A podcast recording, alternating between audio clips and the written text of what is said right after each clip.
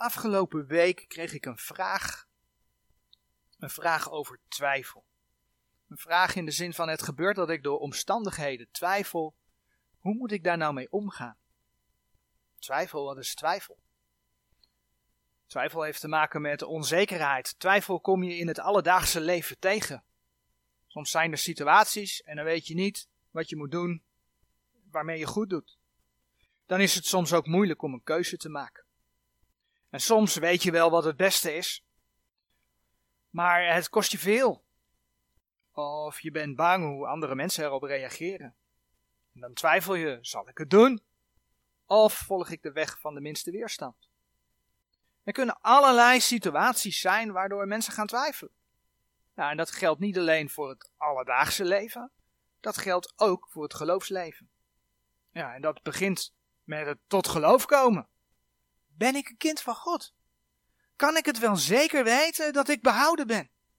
Maar ook de gelovige, die komt in zijn geloofswandel dingen tegen waar hij vragen over kan hebben. Gebeuren dingen in het leven? Zorgt de Heere God wel voor mij? Zorgt Hij wel voor mij? Klopt de leer wel? Wat is Gods wil? Nou, allereerst willen we naar een Bijbels voorbeeld kijken. En dat betreft Abraham. En dan gaan we naar Genesis 15. De Heere God had Abraham reeds in Genesis 12, vers 2 veel nageslacht beloofd. Want Abraham had de Heere God gezegd, zou tot een groot volk worden. Maar later, in Genesis 15, zien we dat Abraham, in vers 2 en 3 van Genesis 15, het volgende tegen de Heere zei. Genesis 15, vers 2 en 3. Toen zeide Abraham, Heere, Heere, wat zult gij mij geven, daar ik zonder kinderen heen ga? En de bezorger van mijn huis is deze Damaskener Eliezer. Voort zeide Abraham, zie, mij hebt gij geen zaad gegeven. En zie, de zoon van mijn huis zal mijn erfgenaam zijn. Nou, er wordt hier gesproken over de zoon van mijn huis. Dat is dus niet Abrahams eigen zoon. Want hij had nog geen kinderen. Maar het ging om een knecht die in zijn huis geboren was. Vandaar de zoon van mijn huis. Maar de Heere beloofde hem opnieuw veel nageslacht. En de Heere zegt dan ook dat dat nageslacht uit zijn lijf zal zijn. In Genesis 15, vers 4 en 5 kun je dat lezen. En Abraham geloofde God, lezen we in dit gedeelte, in vers 6. En hij geloofde in de Heere en hij rekende het hem tot gerechtigheid. Abraham geloofde in de Heere. En toch, God had die belofte gedaan, maar wat gebeurt er? Sarah werd niet zwanger. En dan geeft Sarah haar dienstmaagd aan Abraham en dan wordt er uit die dienstmaagd een zoon geboren, Ismaël. Ja, en toen er dus uit die dienstmaagd een zoon geboren werd, Ismaël, toen geloofde Abraham dat Ismaël degene zou zijn die God zegen zou dragen. Genesis 17, vers 18 kun je dat onder andere lezen. Maar de Heer besliste anders. In Genesis 17, vers 16 lezen we dat de Heer opnieuw over Sarah zegt, Genesis 17, vers 16, want ik zal haar zegenen en u ook uit haar een zoon geven. Ja, ik zal haar zegenen, zodat zij tot volken worden zal. Koningen der volken zullen uit haar worden. Dat zegt de Heere God. Maar dan moet je kijken hoe Abraham daarop reageert. Abraham reageerde in Genesis 17, vers 17 als volgt. Toen viel Abraham op zijn aangezicht en hij lachte. En hij zeide in zijn hart, zal een die honderd jaar oud is een kind geboren worden? En zal Sarah, die negentig jaar oud is, baren? Abraham, die God geloofde, twijfelde aan Gods belofte, omdat het niet gewoon was dat mensen die zo oud waren nog kinderen zouden krijgen. En we lezen zelfs dat Abraham lachte. Ondanks dat Abraham God geloofde, het was hem gerekend tot rechtvaardigheid, zien we dat Abraham God toch niet in alles gelooft. Dat is de twijfel. Kan het wel, want. Nou, we kennen de geschiedenis. God gaf Abraham een zoon door Sarah. Wat God zegt, doet hij. Abraham had niet hoeven twijfelen. Abraham had niet hoeven lachen. Nou, ook in het Nieuwe Testament komen we twijfel tegen. Galaten 4, vers 20. In Galaten 4 vers 20 lezen we dat Paulus spreekt over twijfel. Galaten 4 vers 20. We lezen in dat vers, doch ik wilde dat ik nu tegenwoordig bij u was en mijn stem mocht veranderen, want ik ben in twijfel over u. Je zou dit dus zeg maar de twijfel uit het alledaagse leven ook kunnen noemen. En in dit geval is dat uit zorg geboren. Paulus wist niet zeker of sommige van de Galaten wel tot wedergeboorte gekomen waren. Dat lees je ook in Galaten 5, vers 4. Dat is dus geen twijfel over zijn geloof in Jezus Christus. Geen twijfel over zijn behoud. Sterker nog, Paulus getuigt in de brieven dat hij zeker mocht weten een kind van God te zijn in Jezus Christus. Als we naar Filippenzen bladeren, Filippenzen 3, vers 8 en 9. Daar lezen we dat hij schreef, Filippenzen 3, vers 8 en 9. Ja, gewisselijk, ik acht ook alle dingen schade te zijn, om de uitnemendheid der kennis van Christus Jezus, mijn Heere, om wiens wil ik al die dingen schade gerekend heb, en acht die direct te zijn, opdat ik Christus mogen gewinnen, en in hem gevonden worden. Niet hebbende mijn rechtvaardigheid die uit de wet is, maar de rechtvaardigheid die uit God is door het geloof. Hij twijfelde niet dat hij in Christus gevonden werd. Hij zei ja gewisselijk. Dat betekent ja zeker. En dat is, ja zeker, dat is ja zonder twijfel. Als je iets zeker weet, dan twijfel je niet. Maar van de vrouwen die na de opstanding van de Heer Jezus, bladeren we terug naar Lucas, die na de opstanding van de Heer Jezus het graf bezoeken. In Lucas 24 lezen we dat. Daar lezen we dat zij twijfelden. Lucas 24, vers 3 en 4. Het is de eerste dag der week, zeer vroeg in de morgenstond, zegt Lucas 24, vers 1. En dan vers 2 vinden ze de steen afgewenteld van het graf. En dan lezen we in Lucas 24, vers 3. En ingegaan zijnde, vonden zij het lichaam van de Heer Jezus niet.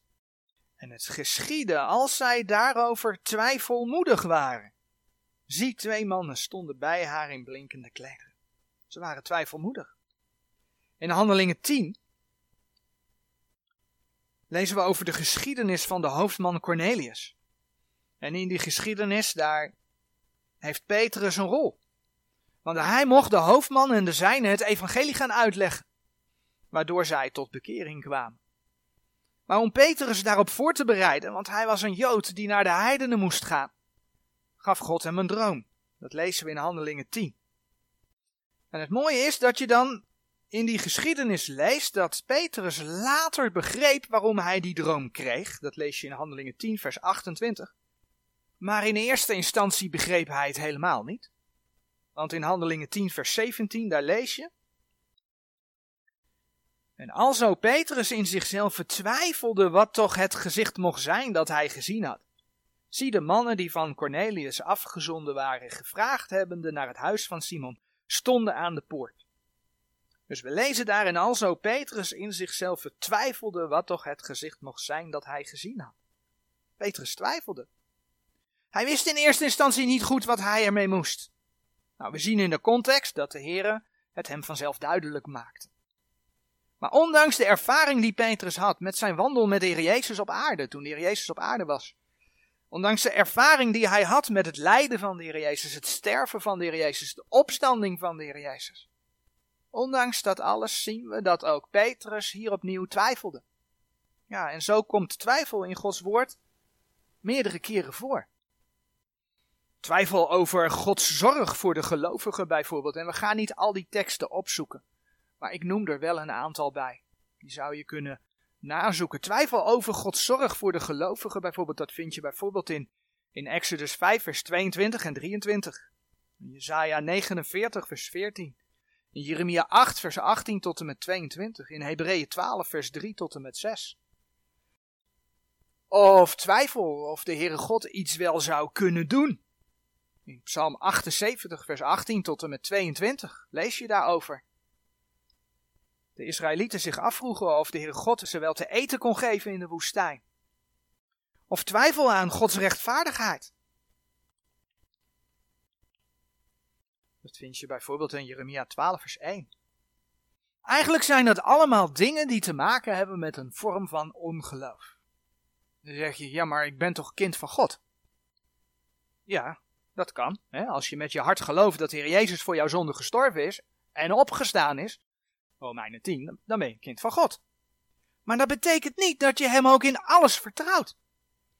Als er dingen zijn in Gods woord waar je je niet aan kunt onderwerpen, dan is dat in de kern een vorm van ongeloof.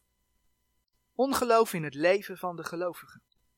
Nou, en dat twijfel vaak voorkomt door ongeloof, en dus het tegenovergestelde is van geloof, lijkt onder andere uit hetgeen de Heer over Abraham zegt in Romeinen 4.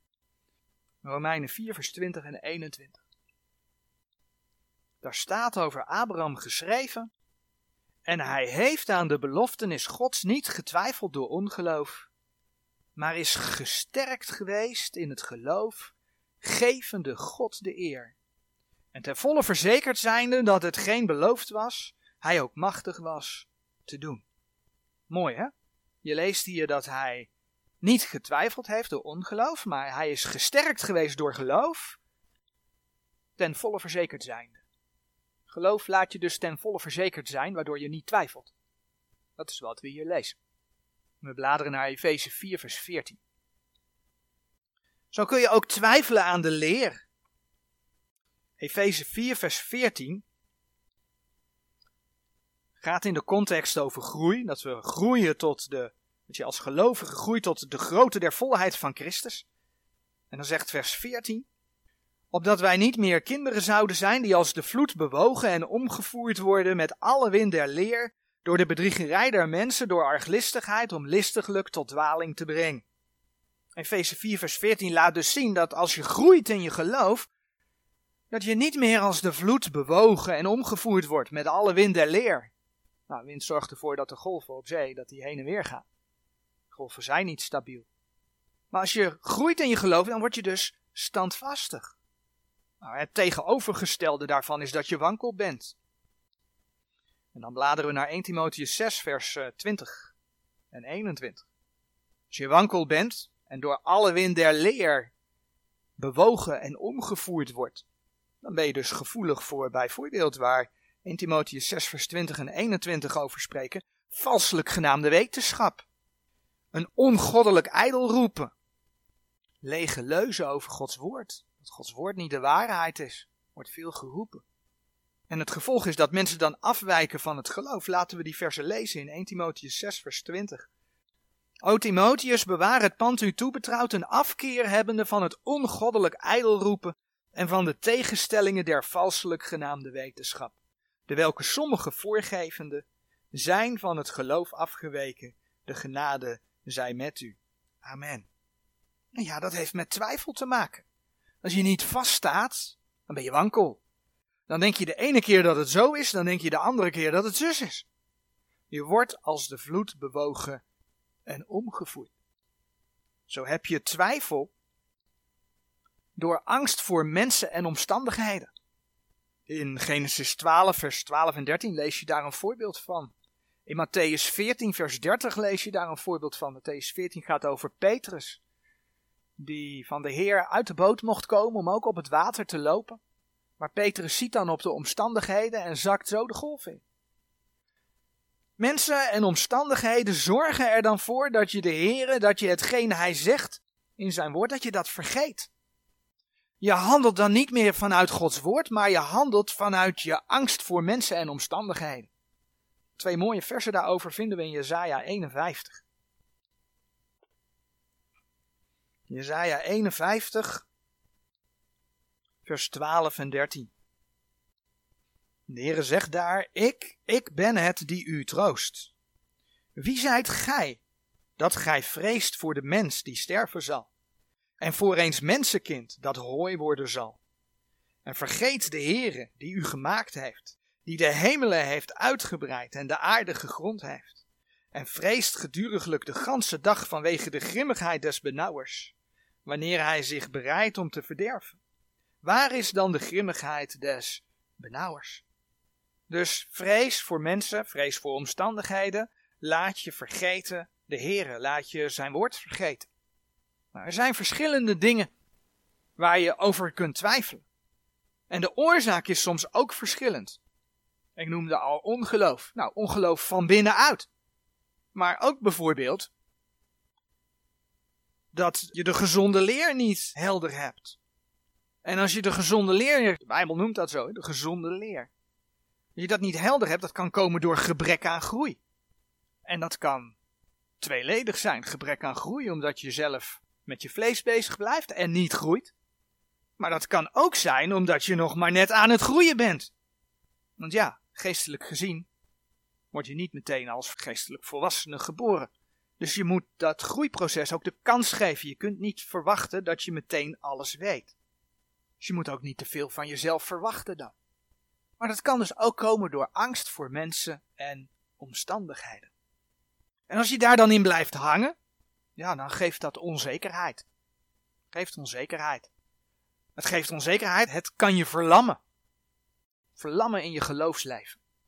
En sterker nog, twijfel kan, en dat hebben we net gezien, leiden tot het afwijken van Gods woord, afwijken van het geloof.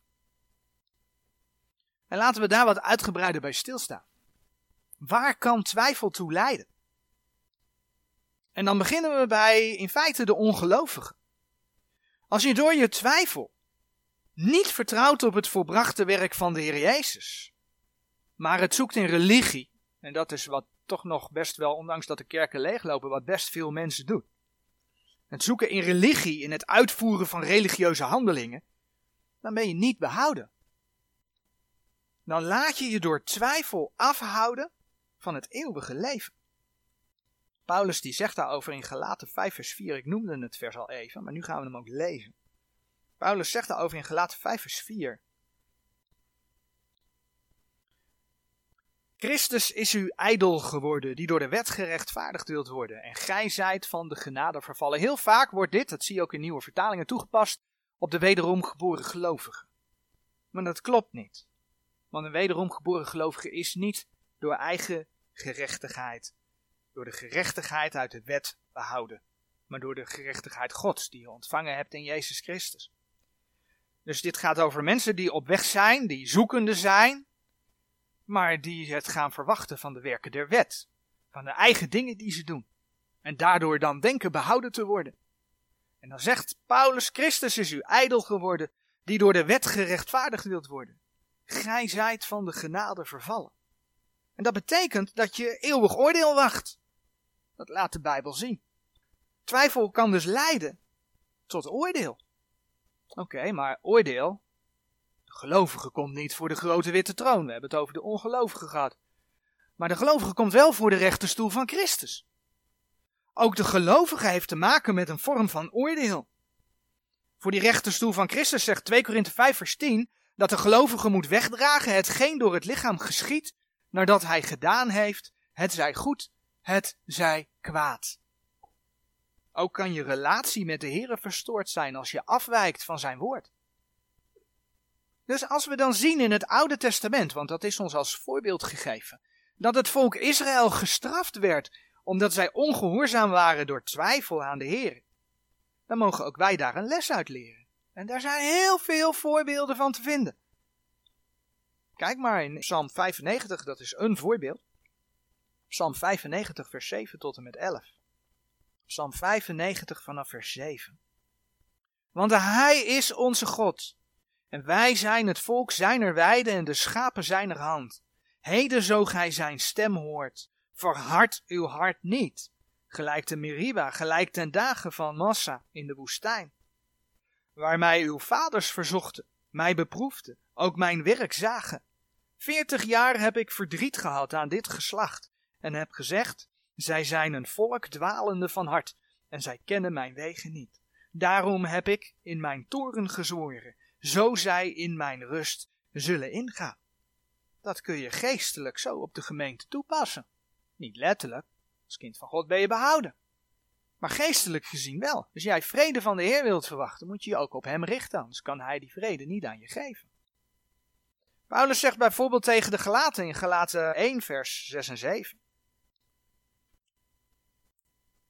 Gelaten 1, vers 6. Ik verwonder mij dat gij zo haast wijkende van degene die u in de genade van Christus geroepen heeft, overgebracht wordt tot een ander evangelie. Daar er geen ander is. Maar er zijn sommigen die u ontroeren en het evangelie van Christus willen verkeren. Ja, dat heeft te maken met wat we in Efeze 4 vers 14 gelezen hebben. Die bedriegerij der mensen door arglistigheid om listiglijk tot waling te brengen. Dat kan er dus gebeuren. Door twijfel ben je wankel. En als je wankel bent, dan durf je, hè, bijvoorbeeld door mensen en omstandigheden, durf je niet te handelen. Je bent verlamd. Een mooi voorbeeld zien we in de geschiedenis van David en dan bladeren we naar 1 Samuel. 1 Samuel 17. Het gaat over de geschiedenis van David en Goliath. David die Goliath versloeg. Sal en zijn leger waren in oorlog met de Filistijnen. Maar Sal en het volk Israël, dat in oorlog was, vertrouwde klaarblijkelijk niet op de Heere God. Want zij zagen daar een geweldige reus in het leger van de Filistijnen. En dan staat er van hen geschreven in, in het elfde vers van 1 Samuel 17. Toen Sal en het ganse Israël deze woorden van de Filistijn, dat gaat dus over Goliath, hoorden, zo ontzetten zij zich en vreesden zeer. Ze waren bang. Ze waren gewoon echt bang. En het gevolg daarvan was dat er niks gebeurde. Ze waren verlamd. En dan moest er uiteindelijk een herdersjongen komen, David. Er moest een herdersjongen komen die op God vertrouwde. In eh, vers 37 van 1 Samuel 17 lezen we. Verder zeide David, de Heere die mij van de hand des leeuws gered heeft en uit de hand des beers, die zal mij redden uit de hand van deze Filistijn. Toen zeide Saul tot David, ga heen en de Heere zij met u. We kennen de geschiedenis. David versloeg de reus. En daarmee het Filistijnse leger. Als angst je te pakken krijgt, waardoor je niet meer vertrouwt op Gods woorden, Gods woorden dus in twijfel trekt, dat betreft het volk Israël dat daar maar stond, dan word je verlamd en kun je niets voor de Here doen. Dat is een van de dingen die twijfel doet. Twijfel zorgt ervoor dat je op de verkeerde dingen gaat vertrouwen. Als je in de geschiedenis van Israël gaat kijken, dan zie je dat ze regelmatig steun zochten bij de buurvolken. Onder andere Egypte. En als we in Jesaja 31 kijken, Jesaja 31 vers 1, dan lezen we dat de Heer daartegen waarschuwt. Hij waarschuwde Israël. In Jesaja 31 vers 1, en dit is één plek, maar er zijn meerdere plekken hoor, te vinden die daarover gaan. Wee degene die in Egypte om hulp aftrekken en steunen op paarden en vertrouwen op wagens, omdat er vele zijn, en op de ruiters, omdat die zeer machtig zijn, en zien niet op de heilige Israëls en zoeken de Heere niet. Nou, we weten dat de vluchtwegen, hè, om dus in Egypte hulp te gaan zoeken en te vertrouwen op de, de wagens en de ruiters, dat die niet geholpen hebben. Israël is uiteindelijk toch in die Babylonische ballingschap gegaan. Zelfs in deze eindtijd zie je hetzelfde weer gebeuren.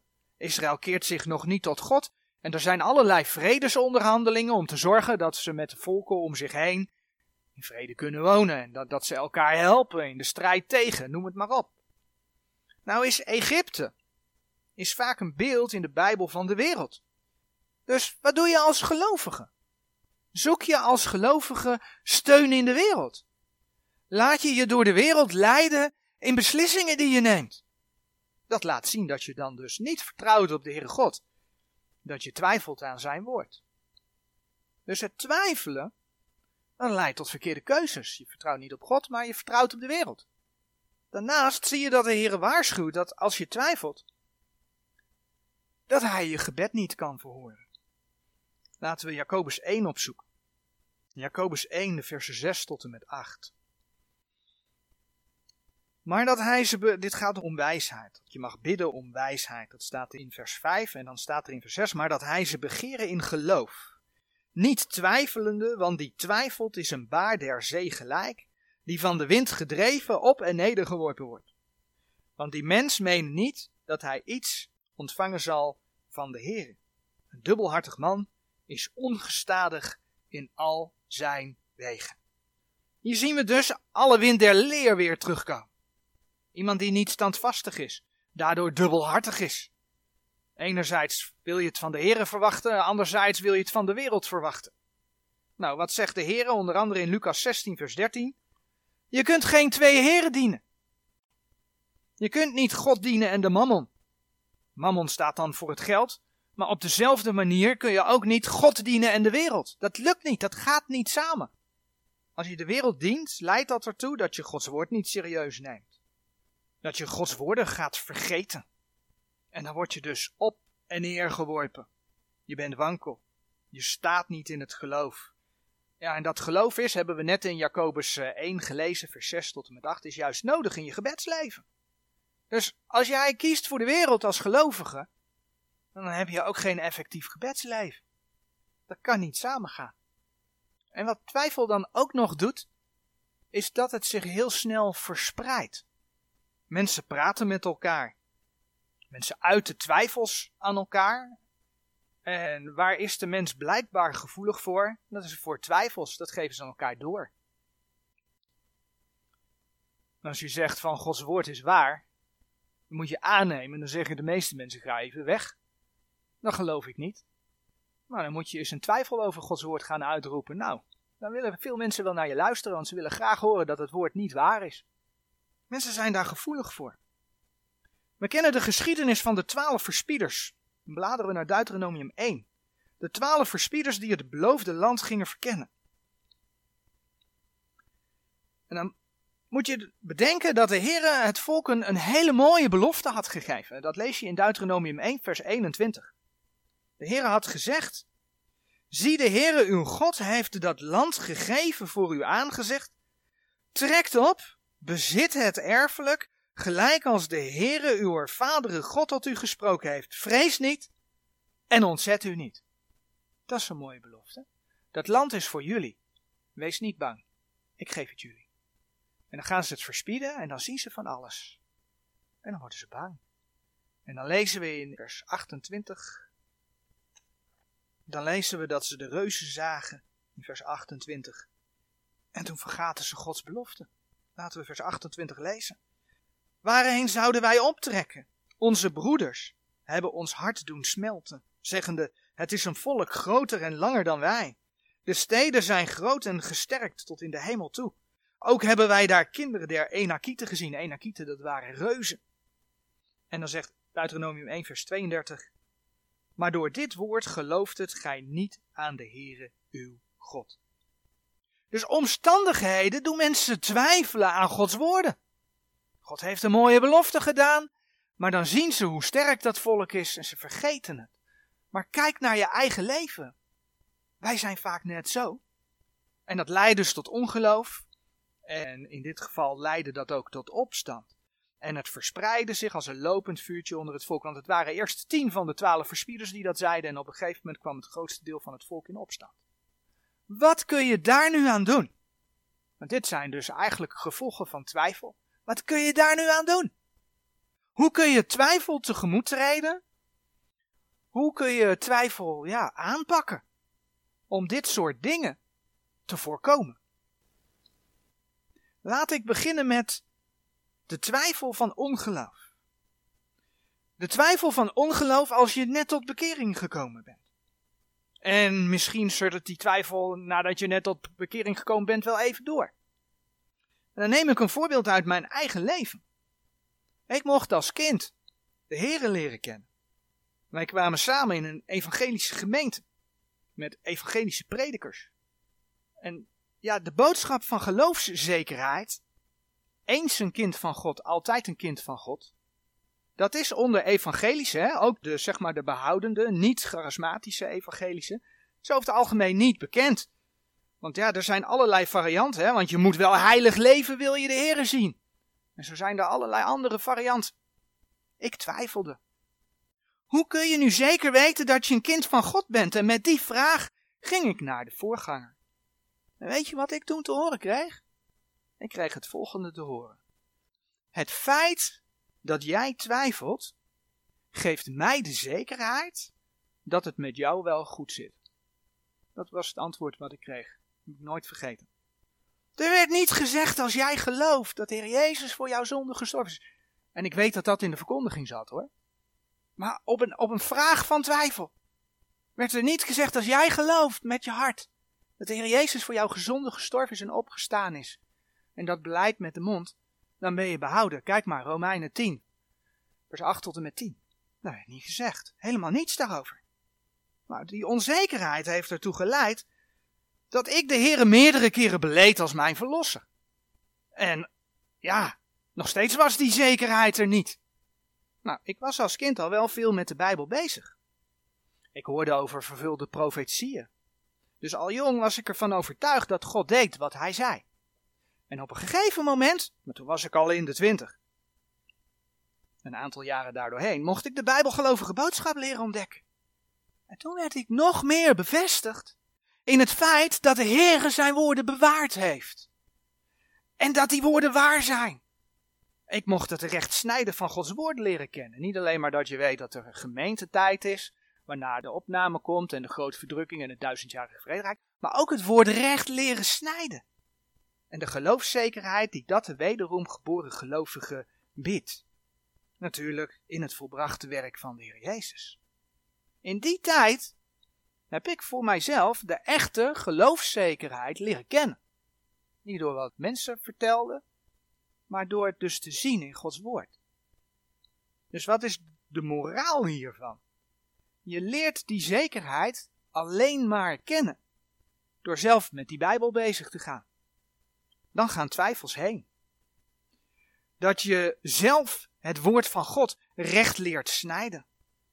En ziet hoe hij in deze tijd, Efeze 2 vers 8 en 9, uit genade door geloof mensen behoudt. Er zitten geen eigen werken bij. Met andere woorden, als je vertrouwt op het werk van de Heer Jezus, kun je niet falen. Want het gaat niet om jouw werken. Hij heeft het gedaan. Hij heeft het volbracht. Dus wees met Gods woord bezig. Romeinen 15 vers 4.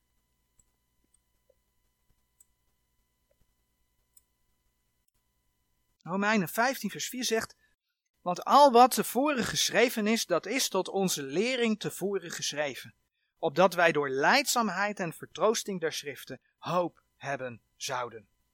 Laten we het nog een keer lezen. Romeinen 15 vers 4. Want al wat tevoren geschreven is, dat is tot onze lering tevoren geschreven, opdat wij door leidzaamheid en vertroosting der schriften hoop hebben zouden. Nou, we hebben alweer een tijdje geleden, maar wel gezien wat de Bijbelse hoop inhoudt. Aan de hand van Hebreeën 11 vers 1 onder andere, dat de Bijbelse hoop te maken heeft met een vaste grond. Dat dat te maken heeft met een bewijs. Dat staat in Hebreeën 11 vers 1. Dus Bijbelse hoop heeft te maken met zekerheid. En dat geldt dan echt niet alleen voor de vraag of je behouden bent of niet. Maar ook voor de vraag wat nu de gezonde leer is of niet. De dingen zijn geschreven in Gods woord opdat je kunt weten. Johannes 20 vers 31 zegt dat ook. Je vindt het in Gods woorden. Dus zie je hoe belangrijk het is om te weten dat je Gods woorden ook daadwerkelijk hebt. Maar ook om je vervolgens te verdiepen in die woorden van God. Laten we 2 Timotheus 3 vers 14 tot en met 17 erbij pakken. 2 Timotheus 3 vanaf vers 14. Maar Paulus tegen Timotheus zegt maar blijf gij in hetgeen gij geleerd hebt en waarvan uw verzekering gedaan is, wetende van wien gij het geleerd hebt. En dat gij van kinds af de heilige schriften geweten hebt die u wijs kunnen maken tot zaligheid door het geloof het welk in Christus Jezus is. Al de schrift is van God ingegeven en is nuttig tot lering en tot wederlegging, tot verbetering, tot onderwijzing, die in de rechtvaardigheid is, opdat de mens Gods volmaakt zij, tot alle goed werk, volmaaktelijk toegerust. Nou, daar zou je ook nog Titus 3 vers 9 bij op kunnen zoeken. En ja, dan moet je die woorden dus wel aannemen in geloof. Ga niet af op de valselijk genaamde wetenschap met allemaal ongoddelijk ijdelroepen, die je van het geloof kunnen laten afwijken, wat we zagen in 1 Timotheus 6 vers 20 en 21. Lees Gods woorden zelf in het bewaarde woord van God. Het is in 1 Thessalonicense 2 vers 13 dat Paulus tegen de Thessalonicense zei. 1 Thessalonicense 2 vers 13. Daarom danken wij ook God zonder ophouden dat als gij het woord der prediking Gods van ons ontvangen hebt, gij het aangenomen hebt niet als der mensenwoord, maar gelijk het waarlijk is als Gods woord, dat ook werkt in u die gelooft. Soms moet je rigoureus besluiten om je niet meer te laten voeden vanuit allerlei stromingen. Wat zou die nou te zeggen hebben? Oh ja, ja, behoud is niet zeker hè? Nee, want uh, die zegt dat ik de wet moet houden. En zo kun je allerlei dingen vinden, onder andere op internet. Maar ook in deze tijd, soms moet je stoppen met tig video's kijken. Het is goed om je te realiseren in welke tijd je leeft en soms dingen te zien gebeuren die plaatsvinden. Maar de ene video naar de andere video kijken over dingen die vandaag de dag gebeuren met commentaar erbij. Van meestal niet bijbelgelovige predikers. Het geeft onrust en het brengt je in verwarring. Vul je met Gods woord. Haal de bron die onrust geeft, haal dat weg. Richt je op Gods woord, want dat is de waarheid. Ik bedoel, zie op al die profetieën, die allemaal in vervulling zijn gegaan. Bijvoorbeeld in de Heer Jezus. Gods woord is de waarheid, hè? Johannes 17, vers 17. Heilig hen in uw waarheid. Uw woord is de waarheid. En als je dat aanneemt, dan werkt het ook in je. 1 Thessalonicense 2, vers 13 hebben we net gelezen. Dan ga je groeien. Dan word je standvastig. Efeze 4, vers 14. En als je standvastig bent, als je niet wankel bent, niet twijfelt, dan hoort de Heer je gebeden ook. Jacobus 1, vers 6 tot en met 8. En let op, hè, dat betekent niet dat je geen vragen mag hebben. Soms moet je ook gewoon nog groeien. Je kunt niet alles in één keer weten of begrijpen. Ik heb het geloof ik al eerder gezegd, als gelovige kom je niet op de wereld direct als geestelijk volwassen. Dus als je Gods woord gelooft en aanneemt, dan mag je vragen hebben, dan mag je groeien. Dat mag. Dus geef die groei ook de tijd. En leg de lat voor jezelf niet te hoog. En als je de Heer oprecht zoekt en zijn woord ter harte neemt, dan zal de Heer je ook met die waarheid in aanraking brengen. Dat geldt zelfs voor de ongelovigen. In Handelingen 10 lees je de geschiedenis van de hoofdman Cornelius en daar lees je dat die man Godvrezende was. Maar ondanks dat hij Godvrezende was, was hij niet tot wedergeboorte gekomen. Daarom had hij de uitleg van het evangelie nodig. Zodat hij wel tot wedergeboorte kon komen. Maar hij was wel Godvrezende, staat er, en God bracht hem Petrus op zijn weg, zodat hij het evangelie hoorde en tot bekering kon komen. Zelf de beslissing kon nemen, ja, dat wil ik ook.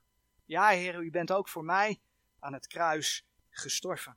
Dus vragen en groei gaan in die zin dus samen hand in hand.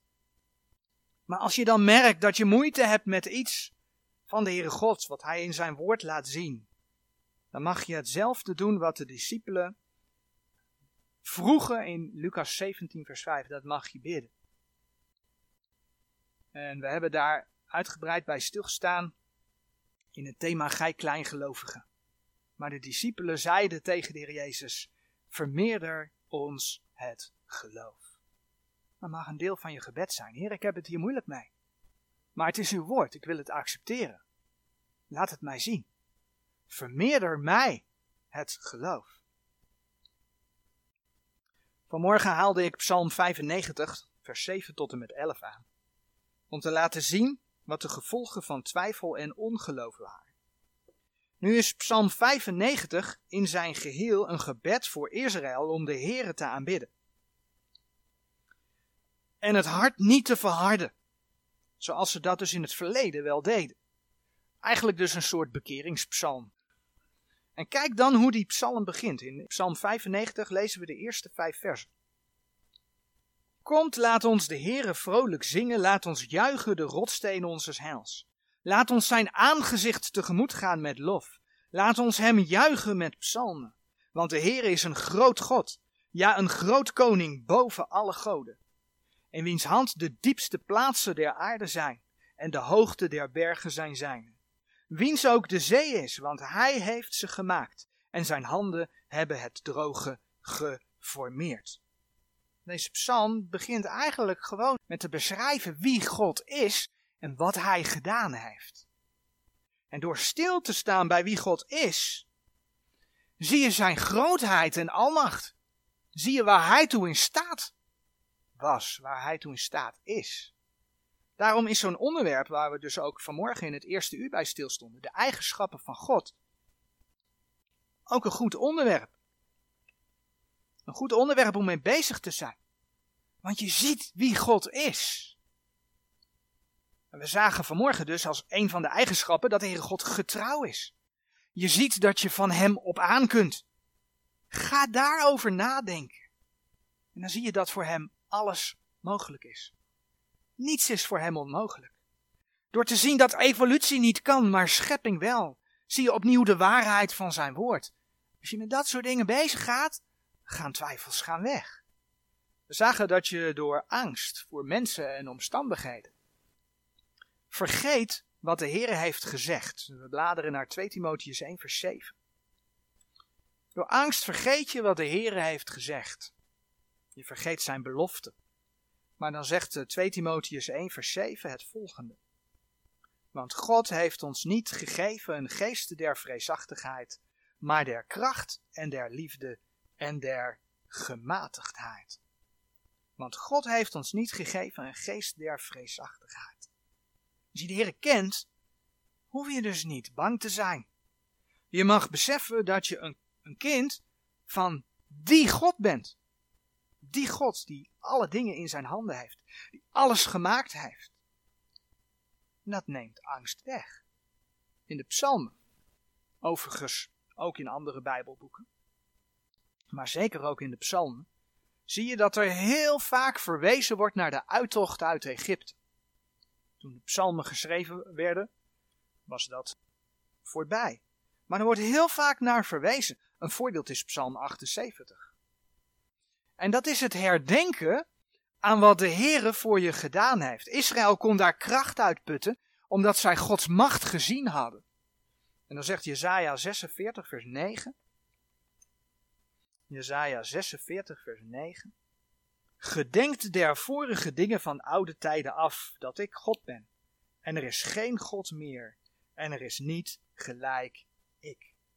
Zo mag je zien op wat de Heer voor je gedaan heeft als kind van God. Hè?